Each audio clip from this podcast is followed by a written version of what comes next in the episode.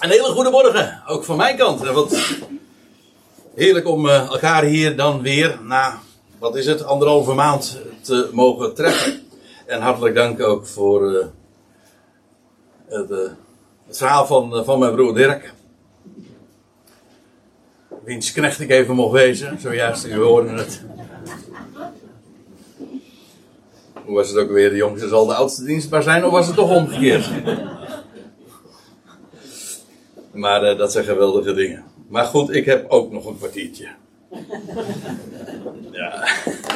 Wat je woord hebt. Ja, die indruk kreeg ik ook een beetje, ja. Goed, nou, die strijd, daar, eh, daar hebben we het nog wel even over. Bij gelegenheid. Wij gaan vanmorgen met elkaar naar 1 Korinthe 10. Na het verhaal gehoord te hebben over bijen en het voorjaar en de natuur zo te eh, hebben bezien. We gaan naar wat de apostel Paulus ooit heeft opgetekend in, de, in het tiende hoofdstuk van de eerste Korinthebrief. En ik heb het als titel meegegeven: Meedoen of weigeren. En iemand die zei al: Jij gaat het zeker hebben over de QR-code. Nee, daar ga ik het niet over hebben. Hoewel er. en. eh, Hoewel ik moet zeggen, er zijn wel lessen te trekken. Maar goed, daar hebben we het misschien ook nog wel even over. Eerst eventjes een paar dingen vooraf. Eh, De eerste Korinthebrief. En is door eh, Paulus dus geschreven. En vanuit Efeze. Dat eh, ligt ongeveer op dezelfde breedtegraad als Korinthe zelf. Eh, alleen eh, de Egeïsche Zee zit daar nog tussen. En dat is ongeveer in het jaar 54 van onze jaartelling eh, opgetekend. En je kunt dat eh, precies traceren wanneer dat gebeurd is. Dat wil zeggen in de geschiedlijn van, hoofd, van eh, het boek Handelingen, Handelingen 19 vers 22. Toen heeft Paulus op dat moment de, deze brief geschreven. Dat om even een eh, indruk in het algemeen eh, van deze brief te hebben. En dan eh, nog wat specifieker over de achtergrond van dit hoofdstuk. En dan vooral vanaf vers 14 tot 33. Want waar Paulus het over heeft is de afgoderij. En hij zegt dan in vers 14: vlucht voor de afgoderij. En dat eh, klinkt misschien wat vreemd. Eh, dat is dus eigenlijk meer dan alleen doe afstand van de afgoderij. Maar ervoor eh, wegvluchten, dat suggereert dat eh, het ook een gevaar is. En, eh, en dat het ook moeite kost om je daarvan te distancieren. En dat wordt je, je vanzelf bewust als je je realiseert dat alles in de toenmalige Griekse wereld en ook in Korinthe. Korinthe was een van de grootste steden in Griekenland. En ook een, nog steeds trouwens, een havenstad. Maar alle events, zoals wij dat tegenwoordig noemen, en festiviteiten die daar waren, waren stuk voor stuk religieus ook van aard. En denk maar bijvoorbeeld aan de Olympische Spelen. Of trouwens, je had eh, in die dagen ook al de Olympische Spelen, inderdaad. Maar ook de Ismische Spelen. En de Ismische Spelen, dat is heel erg eh, interessant. Want eh, de Ismische Spelen, dat waren de Spelen, zoiets als de Olympische, alleen op een ander tijdstip. Maar die werden juist gehouden in Korinthe. Maar zulke eh, evenementen waren ook religieus vanuit. Bijvoorbeeld de Olympische Spelen was gewijd aan de god Zeus. Vandaar ook dat het bij Olympus, de, de, die berg, zijn oorsprong vindt. En daar ontleent het nog steeds ook zijn naam aan. En de Ismische Spelen was dan weer gewijd aan, eh, aan de god van de zee, Poseidon. Ik wilde maar mee zeggen, alles, alle festiviteiten, alle gebeurtenissen, alles wat eh, zich in het culturele eh, of in het sociale, maatschappelijke leven plaatsvond, had een religieus facet of een religieuze dim- dimensie. En daar waren bijvoorbeeld ook dikwijls offermaaltijden. Hè, dan, werd daar, dan werd dat ingeleid met een, een, een offerande. ja, aan een van de vele goden die zij hadden. En die noemden zij trouwens demonen. Paulus schrijft, wij verwijst daar ook naar in uh, 1 Korinthe 10.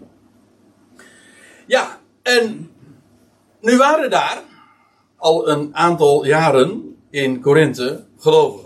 Die geloofsgemeenschap in Korinthe was ontstaan door de prediking van de apostel Paulus. Ook dat vind je in Handelingen vermeld, in Handelingen 18. En dat is zo ergens in het jaar 50 geweest, dus een jaar of vijf hiervoor. Uh, en in elk geval, toen uh, heeft Paulus het evangelie daar het goede bericht mogen brengen. Onder andere natuurlijk van die boodschap waar mijn broer Dirk zojuist naar verwees, 1 Korinthe 15. Over, dat, over hem die ooit zijn leven gaf. Die werd begraven en die ten derde dagen werd opgewekt naar de schrift. Nou, dat is wat Paulus verteld had. En alles wat dat inhoudt. Maar u begrijpt dat als, als je dat gelooft. En uh, de boodschap van de Zoon van God. En die ene God die alles in zijn hand heeft. Ja, dan heb je dus niks aan dat uh, veel godendom. Waar heel het leven uh, door gekleurd was. En uh, door gedomineerd werd. Dus ja, wat moest je? En Paulus ja, het is volstrekt duidelijk voor elke gelovige uh, die de ene God kent. Dat gold trouwens ook al voor de Joden, die ook per slotverrekening slechts één God kenden. En die zich dus ook distancieerden van die hele afgodische wereld. Maar dat betekent in de praktijk dat als je daarvan distancieert, ja, dat je in een, in een sociaal isolement terechtkomt valt niet mee dat als de hele wereld en alle maatschappelijke, sociale, culturele activiteiten, religieus ook van aard waren, en daar had jij als gelovige helemaal niks mee, omdat je de ene God kent, ja, uh, dat betekent dus dat je uh, in, inderdaad in een andere. Uh, ja, dat je wereldje in die zin dus kleiner wordt. Ja, want het is het een of het ander. Je, je kent die ene God, of je, er, of je erkent de vele goden. Dus dat, uh, dat betekende inderdaad uh, vaak afwijzing en spot. En nou, Paulus heeft daarover uh, gesproken in die eerste versen van 14 tot en met 20 of zo. En dan haak ik nu aan bij vers 22. Dit was eventjes de inleiding. Dit is wat, wat Paulus zo had gezegd. Doe afstand van die afgoderij. En dat was. en dat had een prijs op het moment dat je afstand neemt van de godsdienstige wereld, dan zou je zeggen van nou ja goed, uh, dat is een kwestie van dat je uh, daar afscheid van neemt en dat betekent dus dat je daar geen deel meer van uitmaakt. Nee, maar als dat betekent dat, dat, dat je daarmee dus ook in jouw familie en in jouw hele collega kring, van collega's, et cetera, dat je daarmee in feite een afzonderlijke, aparte, geïsoleerde positie innam en daarmee ook af, afwijzing op de koop toe kreeg, ja, dat, dat, heeft, dat is dus de prijs. En als u mij vraagt, is dat ook in feite actueel. Op het moment dat je het evangelie kent hè, en van de ene God, ja, dat betekent dus dat je van de religie, ook als dat christelijk heet, dus uh, niks meer mee hebt. Want dat staat haaks op elkaar. En die afwijzing, die spot, dat isolement, ja, dat is dus de prijs van buiten de legerplaats gaan. Dat is trouwens weer een term uit de Hebreeënbrief, maar in feite in dezelfde context. Nu waren er trouwens uh, gelovigen kennelijk in Korinthe die, die dat uh, al te moeilijk vonden en die bij gelegenheid wel deelnamen aan zulke offermaaltijden. En Paulus zegt van, dat is onbegrijpelijk. Dat is niet, eh, niet omdat dat niet mag, maar daarover straks meer. Maar het is zo onlogisch. Hoe zou je deel uit kunnen maken van een offermaaltijd, van een festiviteit waar geofferd wordt aan de afgoden, terwijl je de ene God kent? That makes no sense, zeggen de Engelsen dan. Dat is gewoon onzinnig. En Paulus zegt ook van, of zijn, uh, of zijn wij uh, de, de Heer dan jaloers aan het maken als je dat dan toch doet? Want door deelname aan zulke festiviteiten eh, ja, dat betekent dat je in feite iets doet wat zo onlogisch is. Want het een verdraagt zich niet met het ander. Het erkennen van de ene Heer verdraagt zich niet met het, eh, het eergeven aan andere goden. Wij zijn toch niet sterker dan Hij. En daarmee. eh, daar, zit een daar zit een waarschuwing in. Met andere woorden, van. de, denk niet dat God met zich laat spotten. Als jij, als jij eh, daar eh, een loopje meeneemt, je kent de ene God, maar in de praktijk eh, misken je hem. Daarmee ben je in feite degene met wie jij in liefde verbonden bent, jaloers aan het maken. Daar zit dus een waarschuwing in, maar het is natuurlijk vooral ook een bemoediging. Want ja, hij is. Kijk, als je dan afstand neemt van zo'n wereld, en dan ben je in isolement, denk je nou werkelijk dat hij jou eh, verlaat? Of denk je nou werkelijk dat hij jou niet de kracht geeft om de weg te gaan die hij wijst? Dat is, dat is, dat is een geweldige gedachte. Eh, dat geldt trouwens in het algemeen. Als je de weg gaat die God wijst, dan geeft hij ook altijd de kracht voor die daarvoor nodig is. Dat is trouwens ook 1 Korinthe 10. Weet- Denk niet dat je ooit boven vermogen verzocht wordt. Dat, dat bestaat niet. Want hij zal met de verzoeking ook altijd uitkomst bieden. En ook kracht geven. Wij zijn toch niet sterker dan hij? hij zijn kracht is toch overtreffend? En dan krijg je dat prachtige motto dat in de Korinthebrief nogal eens eh, terugkeert. Alles is geoorloofd. Maar, zegt Paulus, niet alles is nuttig. Alles is geoorloofd, maar niet alles bouwt op. Dat is twee keer. Maar ik zal u vertellen, dit had Paulus in hoofdstuk 6, vers 12 ook al een keer. Twee keer gezegd. Dus in totaal herhaalt hij dit. Dit was een motto dat in Korinthe kennelijk eh, bekend was. En in feite ook een uitvloeisel was van wat Paulus eh, altijd verkondigde. Namelijk, als gelovigen worden wij niet geregeerd door, door wet en door de vraag van mag dat wel of mag dat niet. Daar was Paulus heel gauw klaar mee. Kijk, er zijn dan bepaalde dingen die onlogisch zijn, waar ik het zojuist over had. Als gelovige die één God kent en erkent, is het onlogisch en totaal niet te verdedigen om mee te doen met afgoderij. Er zijn wel meer dingen heel onlogisch. Hè? En uh, die, die doe je nu eenmaal niet. Ik bedoel, er zijn talloze voorbeelden, waar, zelfs algemeen menselijk. Ja, is moord fout? Ja, moord is altijd fout. Maar uh, in dit geval, het leven van een gelovige wordt beheerst door de vrijheid waarin we gesteld zijn. Nooit wordt een vraag beantwoord, nooit is de vraag voor een gelovige, dat is wat Paulus predikte. Van mag dat nou wel of mag dat dan niet? Want daar was hij heel gauw klaar mee. Alle dingen zijn geoorloofd. En geloof je dat niet? Dan zegt, dan zegt hij, dan vertel ik het je nog een keer. Alles is geoorloofd. Dus überhaupt de vraag van mag dat nou wel, mag dat nou niet? Dat betekent gewoon dat je nog helemaal terug moet uh, naar het ABC van het evangelie. Want uh, alle dingen zijn geoorloofd. Niet alles is.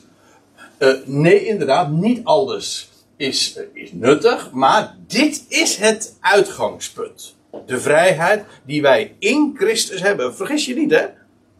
Ik, ik, ik weet, als je. Kijk het maar eens na. Ik had het zojuist over religie. Maar ook christelijke religie wordt voor, een groot, voor het grootste gedeelte bepaald door, uh, door de vraag en ook prediking. Door mag dat nou wel en mag dat nou niet. Nou, ja, uh, dat vind ik nog wel. Ik, ik moet zeggen, ik vind het een groot voorrecht om van die vraag verlost te zijn. Ja, alle dingen zijn geoorloofd. En dat typeert het evangelie. Neem daar nooit een, neem ook daar geen loopje mee. Dat is de uit, het uitgangspunt en de basis. Um, natuurlijk is het zo dat niet alles nuttig is. En dat is de wezenlijke vraag waar die wel altijd ter zake doet. Dus uh, sommige mensen zeggen, uh, die, die, die hebben alleen maar, uh, oh alle dingen zijn geoorloofd. Maar die stellen zich nooit de vraag: is het eigenlijk wel nuttig? Nee. Ik, terwijl dat nu juist de vraag is die er echt toe doet. En, en nou moet je niet via een achterdeurtje alsnog weer zeggen: oké, okay, uh, alle dingen zijn geoorloofd, maar niet alles is nuttig. En nou gaan we vervolgens met elkaar vaststellen wat nuttig is. En dat betekent dus. Dat is alleen maar geoorloofd. En dan heb je alsnog weer de wet binnengehaald. Via een achterdeurtje. Nee. Maar altijd de vraag: wat is nuttig? Waarbij Paulus trouwens ook nog uh, in feite definieert door de parallele zin. Wat nuttig is, namelijk dat is wat opbouwt. Waar je nou ja, beter van wordt, dat klinkt in het Nederlands al gauw van dit. Hè? waar je beter van wordt. Nee, ik bedoel, waar je, werk, waar je voordeel van hebt. Waar je, uh, wat je vormt. Of wat de ander vormt. Met name dat. Wat opbouwt. En dat is het beslissende criterium eigenlijk voor alle vragen in het leven. Uh, ja, welke kant je op zou gaan. Niet van mag het wel, mag het niet. Nee. Uh, wat bouwt op of wat bouwt nog meer op dan het andere? En dat is wat Paulus zijn lezers uh, hier voorhoudt. En dat was ook uh, ja, de basis van, van het evangelie. Want ja, als je natuurlijk predikt van alle dingen zijn geoorloofd, we staan in de vrijheid. Dan zit je vervolgens nog wel weer met de vraag van ja, maar wat, wat zouden we dan doen? Hebben wij geen criterium? Jazeker, wij hebben wel degelijk een criterium. Namelijk, ik zal het straks ook laten zien. Wat is tot verheerlijking van hem? Wat bouwt op? En ik zal u zeggen, dat zijn vragen die zoveel uh, beter zijn en die zoveel meer opleveren dan die vraag van uh, mag het wel, mag het niet. Ik zal u dit, ook, dit zeggen. Als je daardoor uh, beheerst wordt en belast wordt, dan is. dan word je altijd geleid door schuldgevoel. Op het moment dat je altijd geleid wordt door de vraag van mag het wel, mag het niet. Ja, dan, krijg je ja, had het eigenlijk niet. Eigenlijk mocht het niet. Had ik dat wel moeten doen? De schuld. Nee. De vraag is, dus de, de vraag is positief. Wat is nuttig? Wat bouwt op? Paulus voegt er nog een toe. Laat niemand het zijne zoeken, maar dat van de ander. Uh, dus vooral het belang van de ander. Want dat is dus wat de ander opbouwt. Ja, en dat trouwens op zich staat haaks op de filosofie die er in de wereld is. Eens? Want uh, dat was niet alleen toen het geval, ook nu nog steeds is de, de gedachte dat ik, dat is trouwens een van de eerste taallessen, of nou een van de eerste taallessen die je dan krijgt, hè, ik, dat is de eerste persoon. In het Hebreeuws trouwens niet. Heel grappig. In het Hebreeuws is hij de eerste persoon. Ja, nou ja, ja. Uh, eerste persoon, trouwens, in feite het woord ik in het Grieks, dat is uh, ego. Ja, en dat is, en dat, dat kun je, uh, dat is me, dat is me ego. ja. Als dat een stroming, als dat het leidraad wordt of het criterium wordt, ja, dan heb je egoïsme. Dan gaat het in feite allemaal om mij. En uh, dat is een idee, e- egocentrisch, waarbij in feite in het denken centraal staat jijzelf. Dat wordt ook in feite in de filosofie en in allerlei zelfhulpboeken en nou kijk het maar eens na in de schappen van de boekwinkel of op internet. Uh, altijd is daar de leider uh, die, de gedachte van zelfontplooiing. En vooral als dat het primair, de primaire eis wordt bijvoorbeeld in relaties.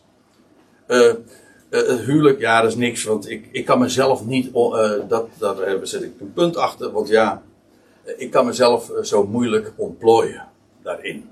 Of ik kom niet aan mijn trekken in welk opzicht dan ook. Alsof dat ooit. In dit, op het moment dat je denkt in termen van wat is nuttig, wat bouwt de ander op, ja, dan is, uh, dan is dit niet meer uh, het criterium of de eis. Niet, niet ik. Het gaat niet om mij. maar om de ander, en dan vooral met een hoofdletter natuurlijk. De ander, en daarmee ook met een kleine letter, ja.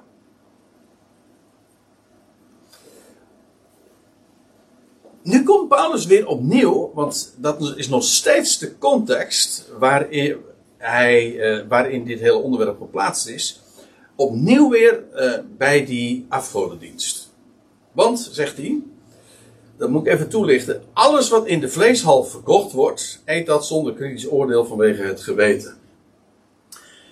Alles wat in de vleeshal te koop is, daarvan moet je weten dat in de, in de dagen van Korinthe, dat was ooit, uh, of het lag daar uh, te koop in de vleeshal, maar dat vlees had eerst uh, in de afgodstempel, of was eerst onderworpen geweest aan een, aan een ritueel.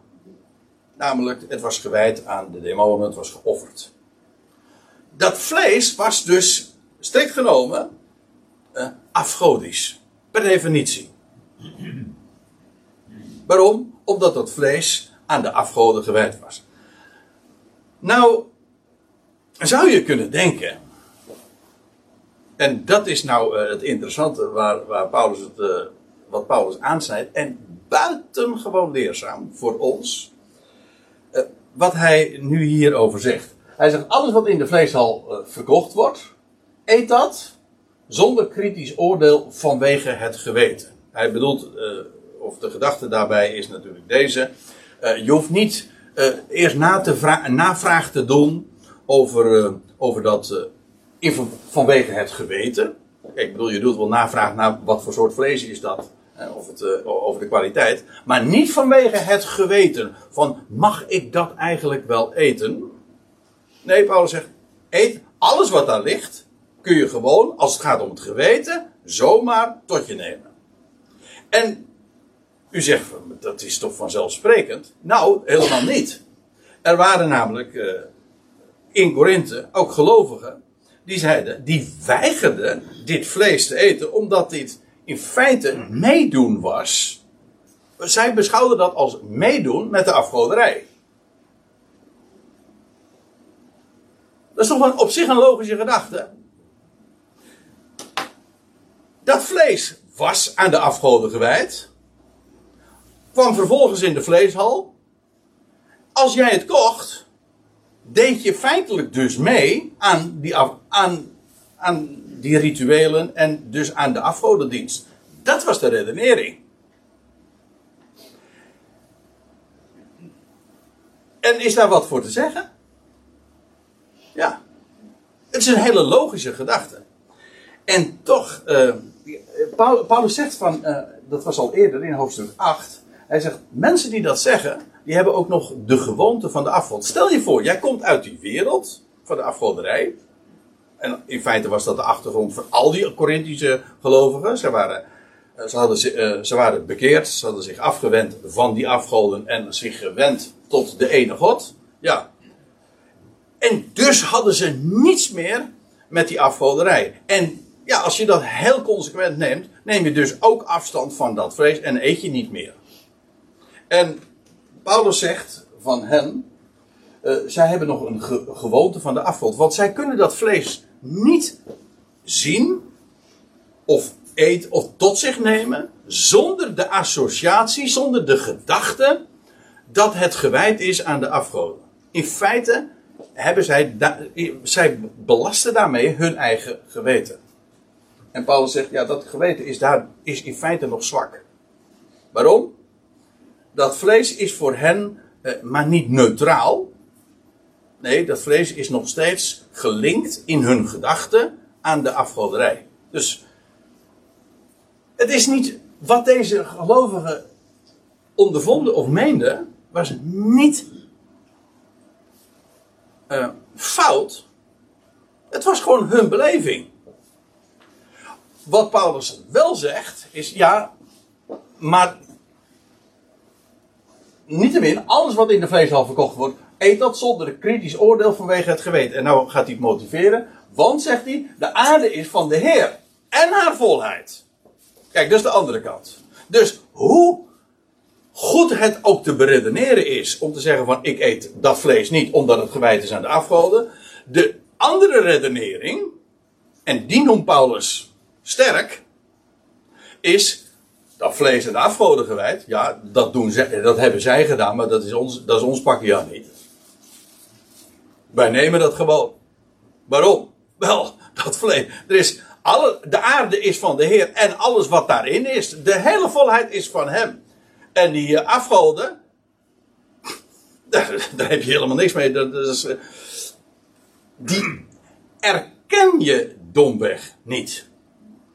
En dat is de andere gedachte. En, en ik zei, ik had het net eventjes over QR. Uh, dat is wel een aardige vergelijking. Want kijk, er zijn, de, laten we wel wezen, zulke, zulke controversies als er uh, toen waren in Korinthe. Want ja, er waren gelovigen die zeiden van nee, dat vlees eet ik niet. Want ja, dan doe ik mee aan, aan die afgoderij. Andere gelovigen zeiden ze van, hoezo? Ik, heb, ik, ik erken dat, wat zij, wat zij doen of hebben gedaan met uh, dat vlees, dat is niet mijn zaak. Ik ken maar één God en ik maak daar gewoon gebruik van. Herkent u het? Nee, ik ga de, ik ga de conclusies nu niet voor u trekken, die moet u zelf. Ik, het gaat mij helemaal niet om de vraag wat is geloof. Maar ik wil u alleen maar even erop wijzen hoe zulke controversies.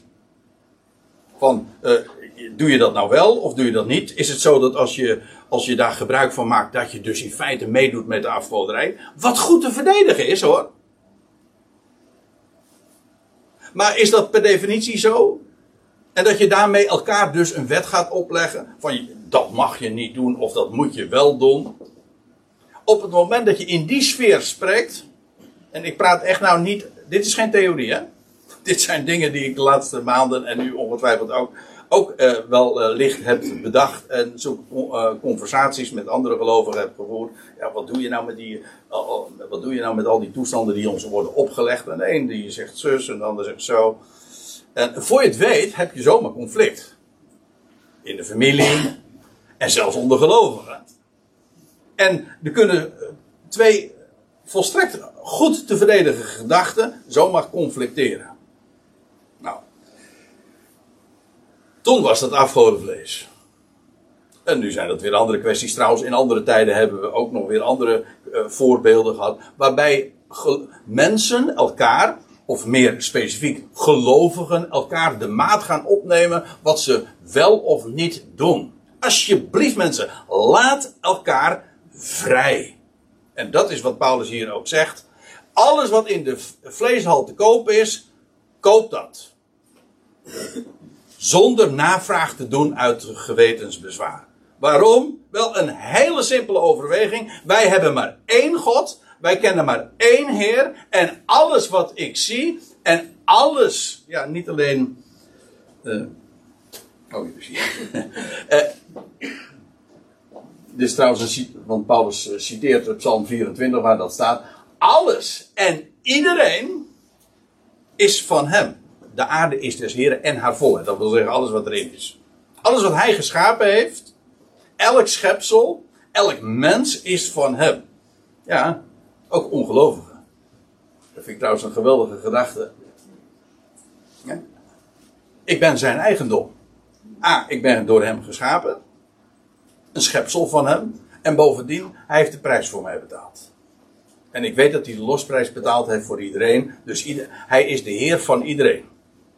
Dat is de boodschap. Hij is jouw Heer. En of je dat erkent, ja, dat is uh, vers 2.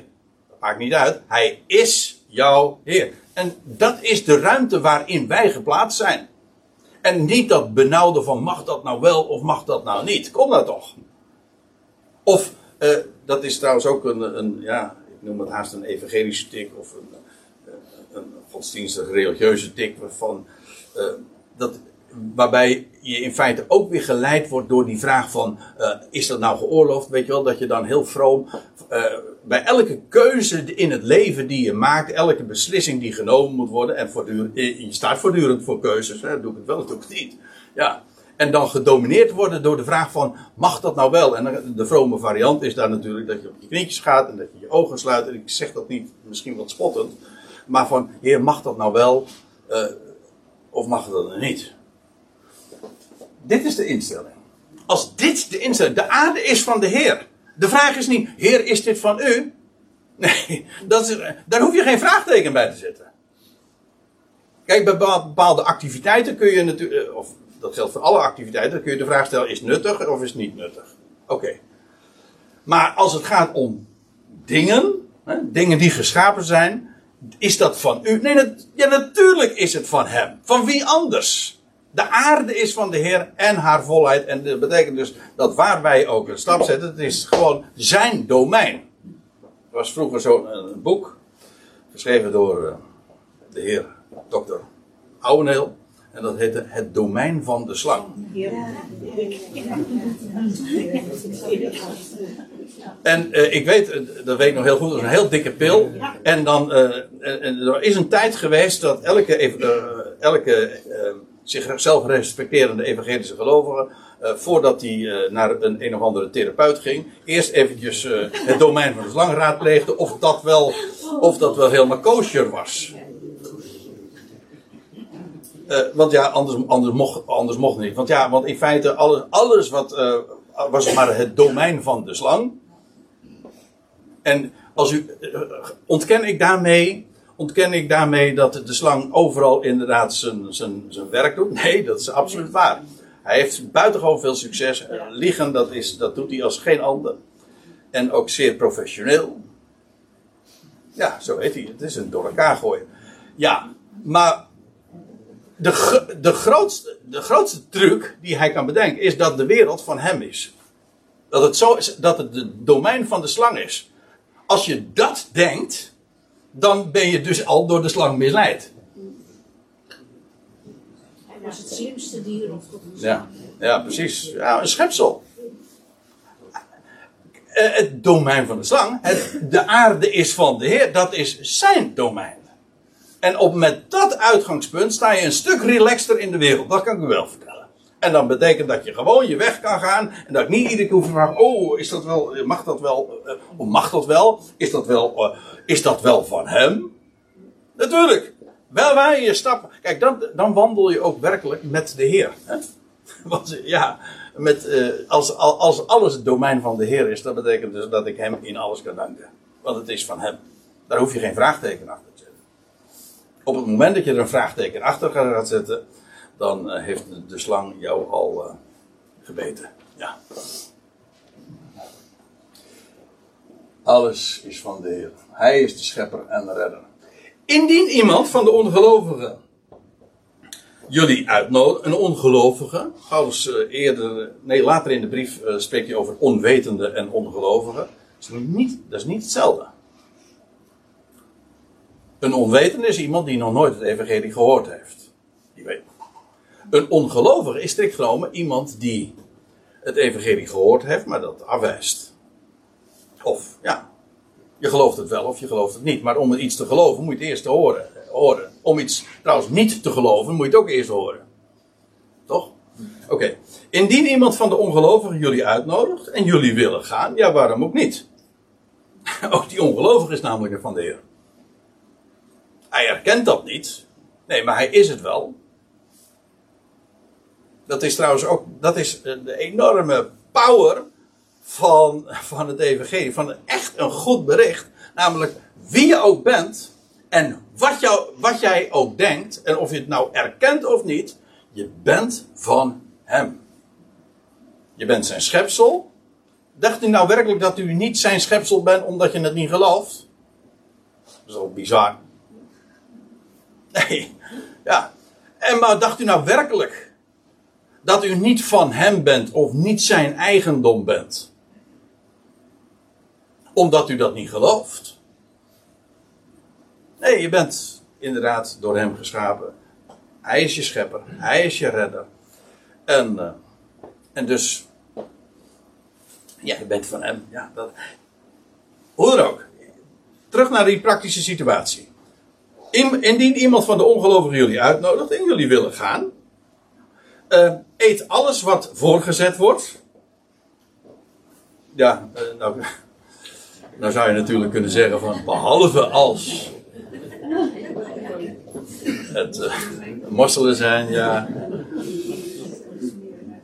Nou ja, goed. Eh, nee, het, het gaat er niet om eh, over, eh, of het lekker is of niet. Het gaat erom. eh, zon, al, alles wat voorgezet wordt, zonder kritisch oordeel vanwege het geweten. Dus die ongelovige die nodigt je, eh, die nodigt je uit. Je, je- gaat daar, je zit daar aan tafel en je eet wat er voorgezet wordt. En Paulus zegt daarbij, zonder dat je moet vragen, eh, mag ik dat nou wel eten of mag ik dat nou niet eten of tot mij nemen? Nee. Als je dat wil, nou, doe dat dan. Zonder kritisch oordeel vanwege het geweten. Maar, er komt een maar. Indien iemand tot jullie zegt, dus een, die ongelovige kennelijk, die, eh, die, met wie je aan tafels zit en die jou uitgenodigd heeft, of eventueel een andere gast. Indien iemand tot jullie zegt, dit is een gewijd offer, dat wil zeggen, dit is dit eten, wat nu eh, wat je voorgezet wordt, dat is eh, eerst in de afgodtempel geweest. Dit is aan, aan de afgoden, of welke, of dat nou Poseidon of Zeus of weet ik veel wie eh, is gewijd. Dit is een gewijd offer. Dan zegt Paulus, eet het dan niet. Vanwege, die, vanwege degene die dat aangeeft en het geweten.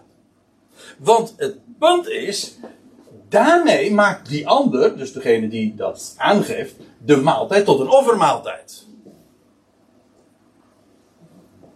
Zie je, voor degene, voor degene die uitgenodigd jij als gelovige, jij eet dat. Je neemt dat gewoon tot je. Waarom zou je, niet, waarom zou je dat niet tot je nemen? Want de aarde is van de Heer en haar volheid. Op het moment echter dat een ander zegt van ja, maar dat is aan de afgoden gewijd, is het voor die ander, op het moment dat jij dat eet, ben jij dus bezig in zijn beleving, of haar beleving, met iets afgodisch. Nou, Paulus zegt, het dan niet. Ehm, vanwege degene die dat aangeeft en het geweten. Dan zegt hij, ja, ik zeg nou niet het eigen geweten, maar dat van die ander. Want jij weet, de aarde is van de Heer en haar volheid. Ja, maar die ander weet dat niet. Dan kun je zeggen, ja, dan, dan vertel je het toch gewoon. Ja, oké. Maar als die ander dat nou niet accepteert. En daarmee. Ja, dat, dat is op zich. Dat is, ik zeg het als grapje. En natuurlijk kun je dat gewoon zo zeggen. Maar als dat, als, als dat niet aan het, de, aan het verstand van die ander te peuteren is. Ja, eh, dan, is, dan ben jij in zijn of haar beleving geassocieerd met afgoderij. En die denkt van, oh, die heeft zeker helemaal geen problemen met afgoderij. Of dat het, eh, dat het afgodisch is, of dat het aan de demon is gewijd. Dan krijg je dus wel dat je weet van tevoren weet als je met bepaalde mensen omgaat, dat het heel erg weinig eten wordt.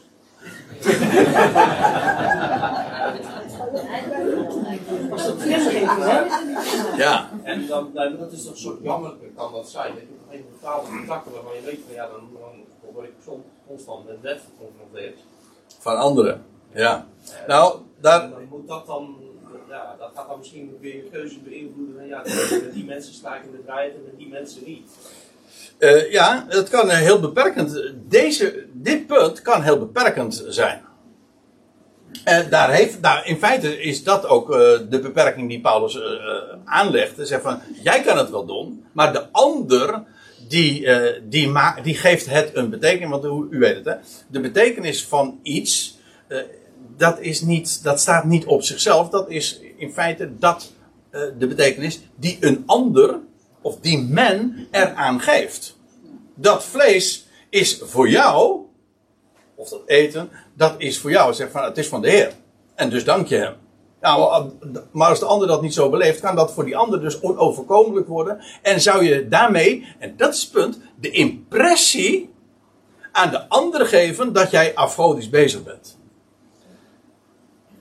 En Paulus zegt in dat geval, eh, doe, eh, doe het dan niet. En nou komt het, eh, misschien ook haakt dat aan bij wat jij nu zojuist eh, naar voren bracht. Eh, bij vers 29. Want waarom zou mijn vrijheid worden geoordeeld door het geweten van de ander?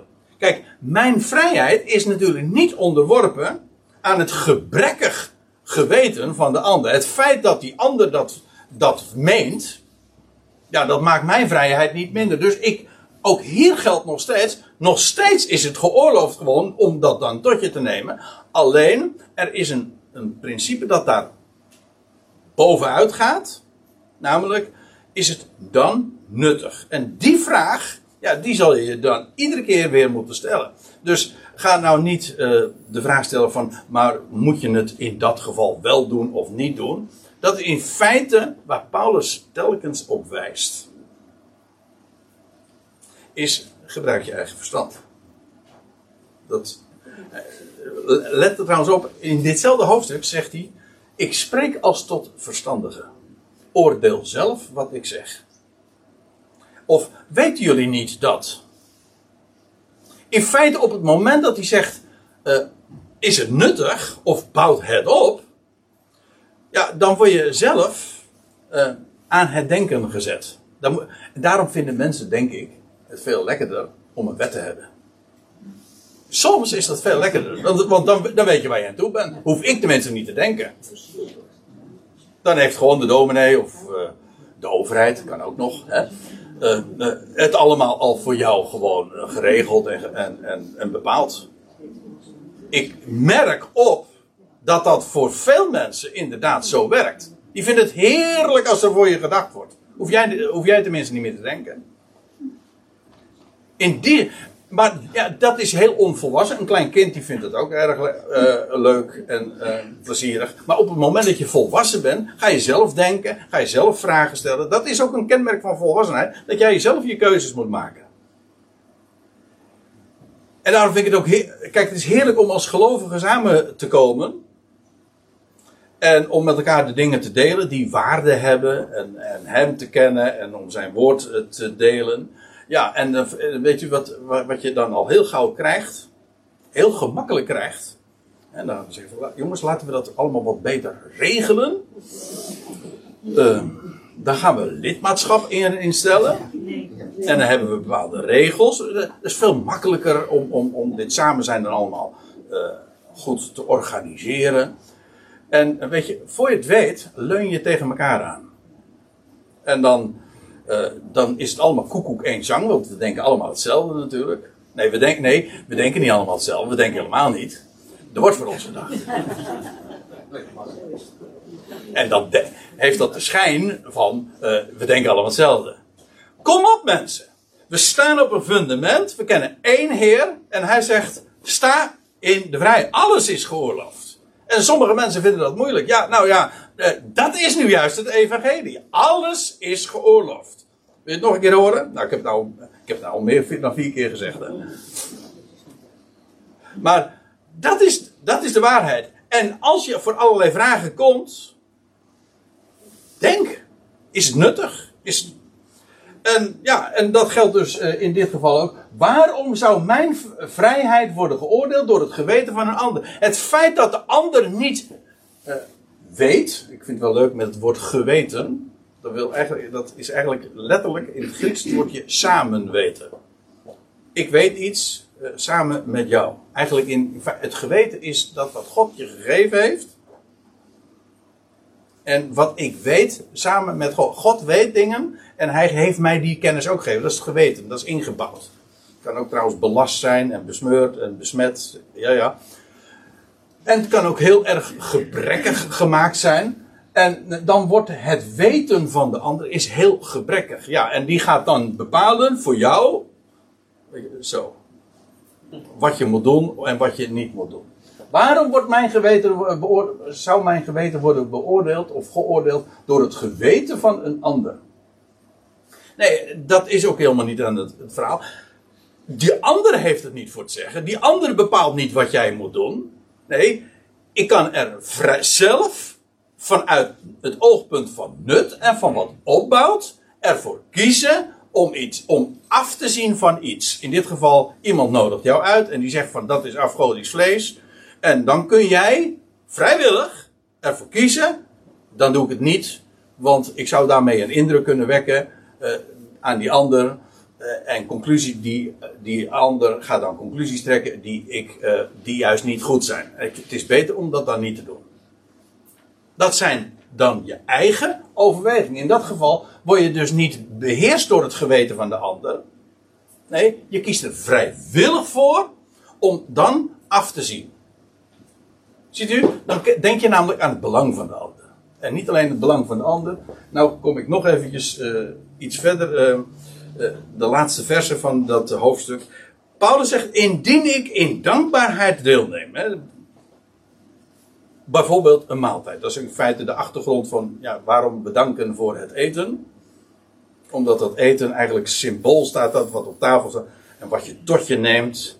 En waar je, waardoor je ook lichamelijk wordt opgebouwd. Dat staat eigenlijk voor alles wat, wat je ontvangt. En je dankt God.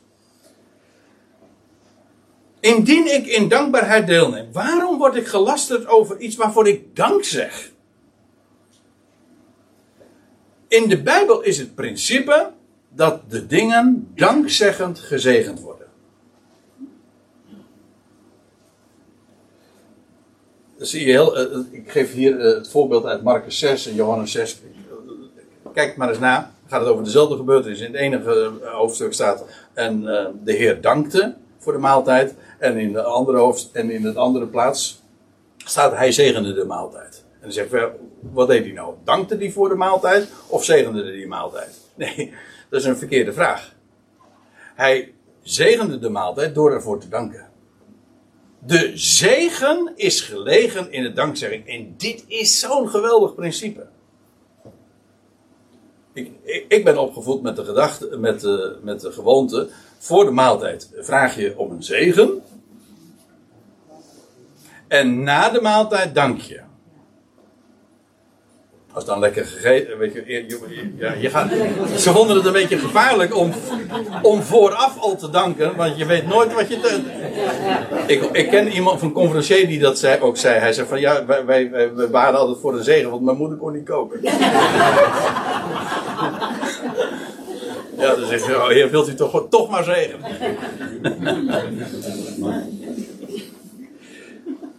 Nee! De dingen worden dankzeggend gezegd. En, en weet u wat de, de, de, truc is? Ja, nee, sorry, dat is een verkeerd woord. De, de grap is ook een verkeerd woord. Weet u wat het mooie daarvan is? Alles kan dan een zegen worden. Niet alleen de mooie dingen. Ik zal u nog sterker vertellen. Is, laat, laat ik het anders vragen. Is gezondheid een zegen? Dat hangt er vanaf of je ervoor dankt. Als je niet dankt voor je gezondheid, dan is het geen zegen. Is, uh, nou, uh, noem een willekeurige activiteit.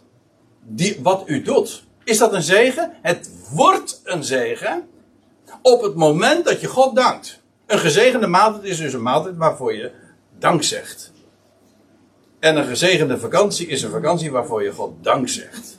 En een gezegende baan is een baan waarvoor je God dank zegt. Nou ja, ik kan nog wel even verder gaan hoor. Geldt voornamelijk voor alles. Dingen worden dankzeggend gezegend. Ja, waarom word ik uh, gelasterd voor iets waarvoor ik dank zeg? En zo, uh, en zo kan zelfs kunnen ze negatieve dingen zegen dingen worden. Want ik zei net, wanneer als gezondheid wordt een zegen op het moment dat ik dank zeg. Zelfs ziekte en moeitevolle dingen worden een zegen op het moment dat je God dankt. En natuurlijk kun je dan vragen, maar hoe kun je nu danken voor zegen? Uh, pardon, voor, voor ziekte? Of voor het feit dat iemand je ontvallen is? Of voor iets heel tragisch wat in je leven heeft plaatsgevonden? Nou, het antwoord is: God is God. En hij maakt elke min een plus. Dus ook die negatieve dingen, bijvoorbeeld ziekte, of pijn, of moeite, of vul maar in. Wordt een, daarvan weet ik, waarom weet ik dat? God openbaart het in zijn woord. Ik weet, hij keert alles ten goede. En daar kan ik voor danken. Die min die ik zie, sorry dat ik, het is niet de eerste keer dat ik hem zeg, maar ik blijf hem herhalen. Die min die ik beleef in mijn leven, is, niet, is geen min. Het is een plus die nog niet af is. En dit is de essentie van echt positief denken. Namelijk, die minnen zijn geen minnen, het zijn plussen die nog niet af zijn. God maakt alles tot een geweldig plus. En daar dank ik voor. En dan wordt alles een zegen. Het zij dan, Paulus, uh, is eigen, dat is Paulus' eigen conclusie. Het zij dan dat jullie eten, het zij dat jullie drinken, of wat jullie ook doen. Het maakt namelijk geen bal uit wat je hiervoor invult. Doet het alles tot heerlijkheid van God. En hoe doe je dingen tot heerlijkheid van God? Door hem de credits te geven. Je krijgt het van hem. Dat geldt voor eten en drinken. Ik bedoel, niet alleen het eten wat op tafel staat. Ik bedoel, hij heeft het doen groeien uh, in, in de wei of uh, in, de, in, de, in de bijenkast. Ja, ja, kan ook nog. Ja, gewoon, Dirk heeft het zojuist allemaal toegelicht. Hoe, hoe goddelijk dat allemaal is. Ik bedoel, hij is de bedenker. Hij heeft het allemaal gecreëerd. Hij heeft het allemaal bedacht. En, um, en het feit dat je het trouwens uh, tot je kan nemen en in je lichaam, dat het allemaal in je lichaam verwerkt wordt. En dat je het kunt proeven en dat je het kunt smaken en kunt ruiken. Oh, nou ja, tegenwoordig is dat ook uh, allemaal niet zo vanzelfsprekend meer natuurlijk. God, iedere keer komt het toch weer terug in dat onderwerp. Maar u begrijpt wat ik bedoel. Dat is ook een reden om te danken. Door God te danken in alles geef je hem de eer. Want hij keert alles ten goede.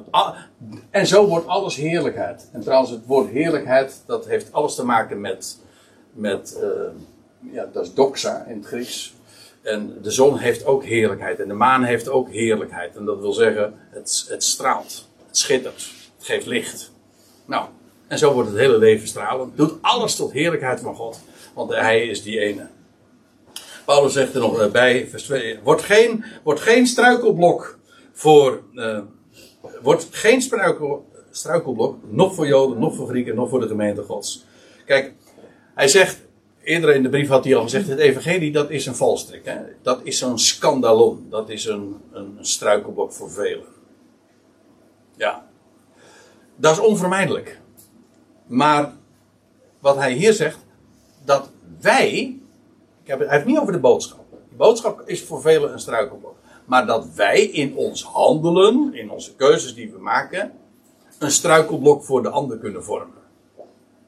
Doordat bijvoorbeeld, in dit, om even bij dit voorbeeld te blijven, de ander die denkt van, hé, hey, ik dacht dat het een gelovige was, maar hij doet hier aan mee. Dus, nou, uh, en daardoor in feite een valse impressie van jou krijgt. En daardoor in feite afgehouden wordt om zich te wenden tot God. Dan word je een struikelblok. Nou, Paulus zegt, word geen struikelblok. Nog voor Joden, nog voor Grieken, nog voor de Ecclesia van God. Dat is heel uh, apart. Dit zijn de drie meest primaire onderscheidingen, onder, de meest uh, onderverdelingen die uh, in de mensen, onder de mensheid. Aan de ene kant heb je dus de Joden, Israël, je hebt de natieën en je hebt de Ecclesia van God. En God heeft met al die drie groepen een, een plan. Pro, dingen op het programma staan. Op zijn tijd, op zijn wijze. Maar Paulus zegt, nog voor de een, nog voor de Joden, nog voor de Grieken, nog voor de Ecclesia van God, dus voor de gelovigen, wees geen struikelblok. Zoals ook ik in alles allen behaag. In alles allen behaag. Niet om het belang van mijzelf te zoeken, maar dat van velen opdat zij gered worden. En, da en daarmee sluit hij uh, het, ja, zijn, zijn aanbevelingen, zijn instructies, zijn hele betoog af. Hij zegt: Het gaat niet om mij, het gaat juist om de ander. In alles. Niet of het mag, maar dient het werkelijk de eerlijkheid van God. Wordt die ander daardoor gewonnen. En uh, let trouwens op, opdat zij gered worden u zegt, maar alle mensen worden toch gered? Ik, vind het, ik ben blij dat u die vraag stelt. ja, want een heleboel mensen stellen die, die zouden dat niet zeggen. Nee, maar u. Inderdaad, hij is de redder van alle mensen. Maar hier gaat het over gered worden. Dat is, staat in de tegenwoordige tijd. Het gaat namelijk over redding nu. En ho- hoezo gered worden? Nou, er zijn, laten we het eventjes eh, laten we vaststellen dat de meeste mensen onwetend zijn en in duisternis wandelen. En gered worden, eh, opdat zij gered worden, namelijk van de duisternis en dat hun ogen opengaan voor het evangelie van de eerlijkheid. Dat belang. Dat dat gediend wordt. Dat inderdaad het goede bericht, het blijde tijding over die ene God, dat dat doorgang vindt. En dan is de vraag van mag het wel of niet volstrekt irrelevant. Als je in die termen nog denkt, heb je in feite nog een hele weg te gaan. Want daar gaat het niet om. Het gaat om één ding, namelijk het, het kennen van Hem, de heerlijkheid van God, Hem in alles te danken en die geweldige tijding dat die maar doorgang mag vinden en dat die de ander mag bereiken. Ja, dat is de boodschap van redding. Dus, nou, daar wil ik eh, het eh, voor eh, vanmorgen graag bij laten. Dit zijn dingen die Paulus hier naar voren brengt. Niet alleen maar actueel in zijn dagen toen hij dit optekende. Dit is nog net zo actueel in 2022 hier in Benthuizen.